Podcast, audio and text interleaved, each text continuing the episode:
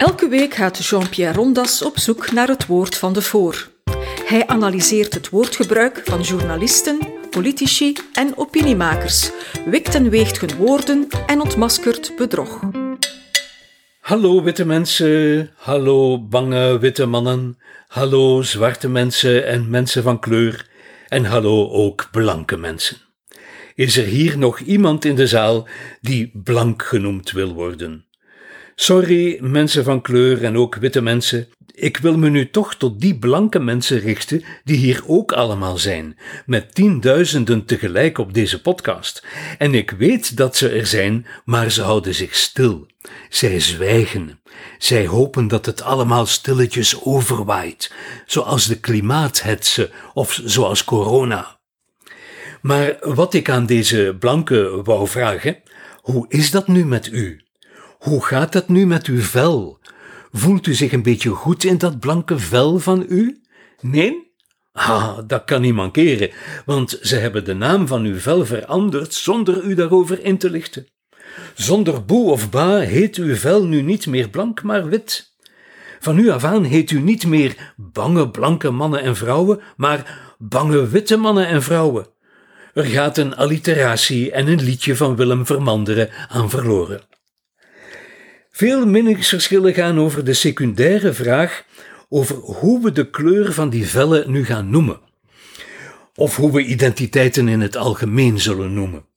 Met de decolonisering, en daarmee bedoel ik echt waar de echte decolonisering van landen en volkeren in de jaren 60, niet de imaginaire decolonisering van vandaag, maar bij die echte decolonisering toen wilden volkeren en staten en steden en rassen heten zoals zij het wilden, en niet meer zoals de blanke kolonisatoren hen hadden genoemd. Jullie Eskimo's zeggen zelf geen Eskimo's meer te willen zijn, maar Inuit, perfect, zoals u wil. De Navajo-Indianen zijn eigenlijk de Diné, de mensen in hun Indianentaal, respect man. Als die Indianen eigenlijk samen the Nations willen heten, wie zijn wij om ze tegen te spreken? We hebben afgeleerd de oorspronkelijke Zuid-Afrikanen Hottentotten te noemen en spreken nu over de Khoisan. Congo wordt Zaire als Mobutu dat wil en weer Congo als Kabila dat decreteert. Ook goed. Negroes willen weer black zijn, prima. De betrokkenen zelf moeten aangesproken worden op de manier zoals zij dat zelf wensen. Alleen voor de Vlaamse en Nederlandse blanken geldt dat niet. Naar hen hoeft niet verwezen te worden zoals zij dat verkiezen. In ons geval zijn de anderen onze naamgevers en nieuwe hegemonische kolonisatoren geworden. En dat is niet zomaar bevolen vanuit het buitenland, maar verordend door de binnenlandse, politiek correcte, woke social justice warriors, die onze Nederlandse en Vlaamse krantenredacties en universiteiten onveilig maken. Rachida Aziz, een Vlaams-Brusselse schrijfster, heeft het ook over blank en wit in haar boekje Niemand zal hier slapen vannacht, geschreven in Amadezentaal en gepubliceerd een tweetal jaar terug, waarin ze op bladzijde 99 eens zal uitleggen waarom het B-woord, blank dus, verwerpelijk is. In een gefingeerde dialoog insisteert ze op het woord wit, om drie redenen waarbij ze er zich voor excuseert dat ze nu jammer genoeg gedwongen wordt te doseren. Ten eerste heeft het B-woord zijn wortels, zegt ze, in de transatlantische slavernij. Ten tweede, zegt ze, is het B-woord ontleend aan het Frans. En ten derde, zegt ze, betekent het B-woord helder wit, niet bevlekt en rein. Kijk maar in de woordenboeken, zegt ze. Laten we dus eens in de woordenboeken kijken. Ten eerste heeft het woord blank helemaal niet zijn wortels in de transatlantische slavernij. Blank is namelijk een zogenaamd erfwoord, een woord dat er in het Germaans en in het Frankisch altijd al is geweest. En het Frankisch, dat is ons proto-Nederlands, duizend jaar voor Columbus. Het is dus ten tweede ook niet ontleend aan het Frans. Integendeel, het ging juist omgekeerd. Het is het Germaans-Nederlandse woord blank dat aan de oorsprong ligt van het woord blanc in het Frans, bianco in het Italiaans, blanco in het Spaans, branco in het Portugees. En ten derde betekent ons woord blank meestal niet helder wit of onbevlekt, want daarvoor hadden we het woord wit al. Bij blank is er weinig connotatie te bespeuren met morele superioriteit, waarbij blank nobeler dan wit zou zijn. Het is veel eer wit dat reinheid evoceert. Neem nu Sneeuwwitje, het titelpersonage van het sprookje van Grimm. Ook in het Duits heet ze naar het platduits Sneeuwwitjen.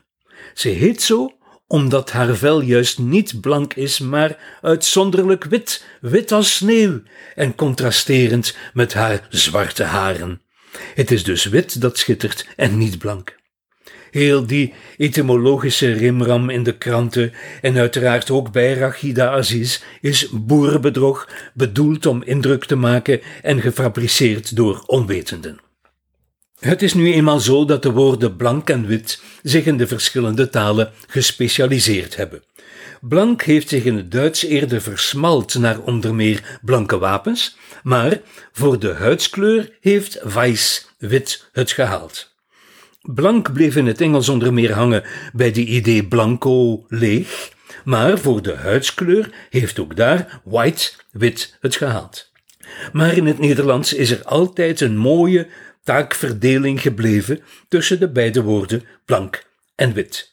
Vanaf de allereerste attestatie van dat woord blank kennen we die associatie met een blanke huid, dus het gaat over huid en vel. Telkens weer verwijst blank naar een huid waardoorheen men de kleur van het bloed kan zien, zoals bij Vondel. Men ziet het bloed door het blanke vel heen gloeien. Dit is een betekenisontwikkeling van duizend jaar geweest. Maar op tien jaar tijd is de politieke correctheid erin geslaagd om dit erfwoord uit de gangbare woordenschat verdacht te maken en te verbannen. En dan nog alleen in het Nederlands, want in andere talen is dat geen probleem. Weiß blijft weiß, white blijft white, en evenzo zijn er geen poco-alternatieven beschikbaar voor blanc, blanco en bianco. Alleen in het Nederlands. Wat een triomf voor de politiek correcten. Het is uw luisteraar van alle kleuren misschien opgevallen dat de twee Vlaamse media die over een ombudsman of een ombudsvrouw beschikken, namelijk de VRT en de Standaard, het onlangs over die woordkeuze moesten hebben.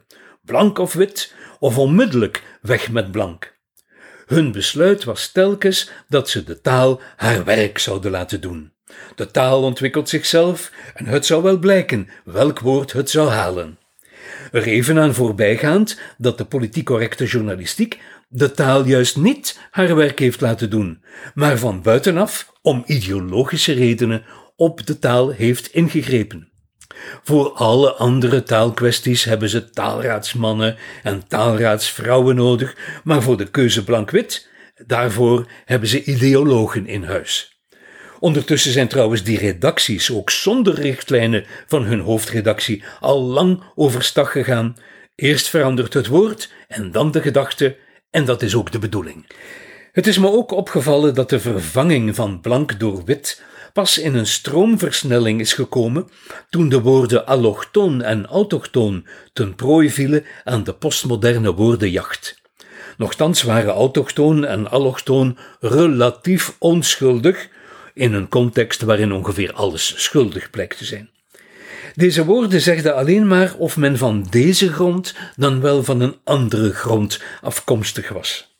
En het verschil is dat iedereen autochtoon kan worden, maar niet iedereen zomaar wit kan worden, want dat veronderstelt metissage en dat duurt generaties.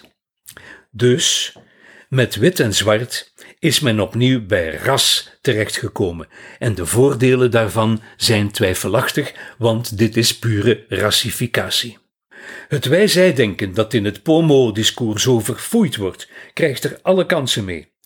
De oppositie zwart-wit, dat is waar men naartoe wou en wat men ook bereikt heeft. En nu mogen ze nog decennia uitleggen dat ze met wit de blanke constructie bedoelen, de onbewuste racist die we zijn, en niet per se onze blanke huid, Hun toevlucht tot dit zwart-wit schema maakt van de antiracistische beweging een schaamteloos racistische beweging die haar essentie ontkent. Ze gaan namelijk van alles ontwitten. Dat is veel duidelijker dan ontblanken. Ook dat betekent racialiseren van dingen die met ras niets te maken hebben. Alles kan ontwit worden. Musea, festivals, de Zomer van Antwerpen, klassieke concerten, de boekhandel, de VRT, krantenredacties. Ze zouden het positievere verkleuren kunnen hanteren, maar ze kiezen voor het antagonistische negativum ontwitten. Waarom doen ze dat? Natuurlijk om weer bij dat ras uit te kunnen komen om onze kleurenblindheid, die we zo lang hebben geoefend, weer verdacht te maken. Om het multiculturalisme weer zijn oorspronkelijke betekenis van apartheid terug te geven. Aan de haat te merken hebben we hier te maken met een racistisch antiracisme.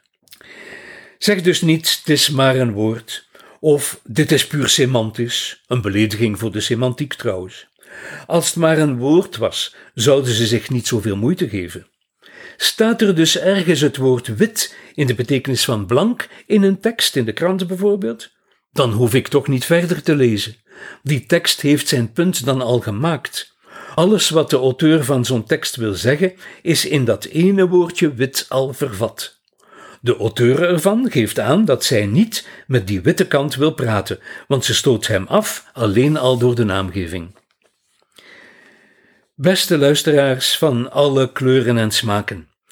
Als je jezelf wit noemt in plaats van blank, dan heb je de beschuldiging van erfzondig racisme al aanvaard en ingeslikt. Dan ben je historisch schuldig aan slavernij en actueel schuldig aan structureel racisme.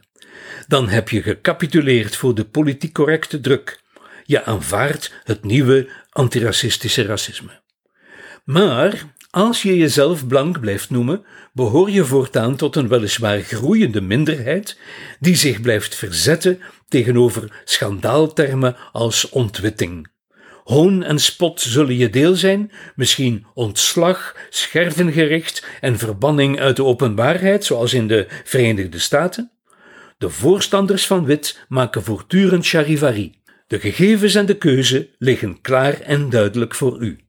Ze liggen daarom zeggens bloot en blank. Dit was een episode van Doorbraak Radio, de podcast van doorbraak.be. Volg onze podcast op doorbraak.be/slash radio of via Apple Podcasts, Overcast of Spotify. Bezoek ook onze website op doorbraak.be en steun ons door een vriend te worden van Doorbraak.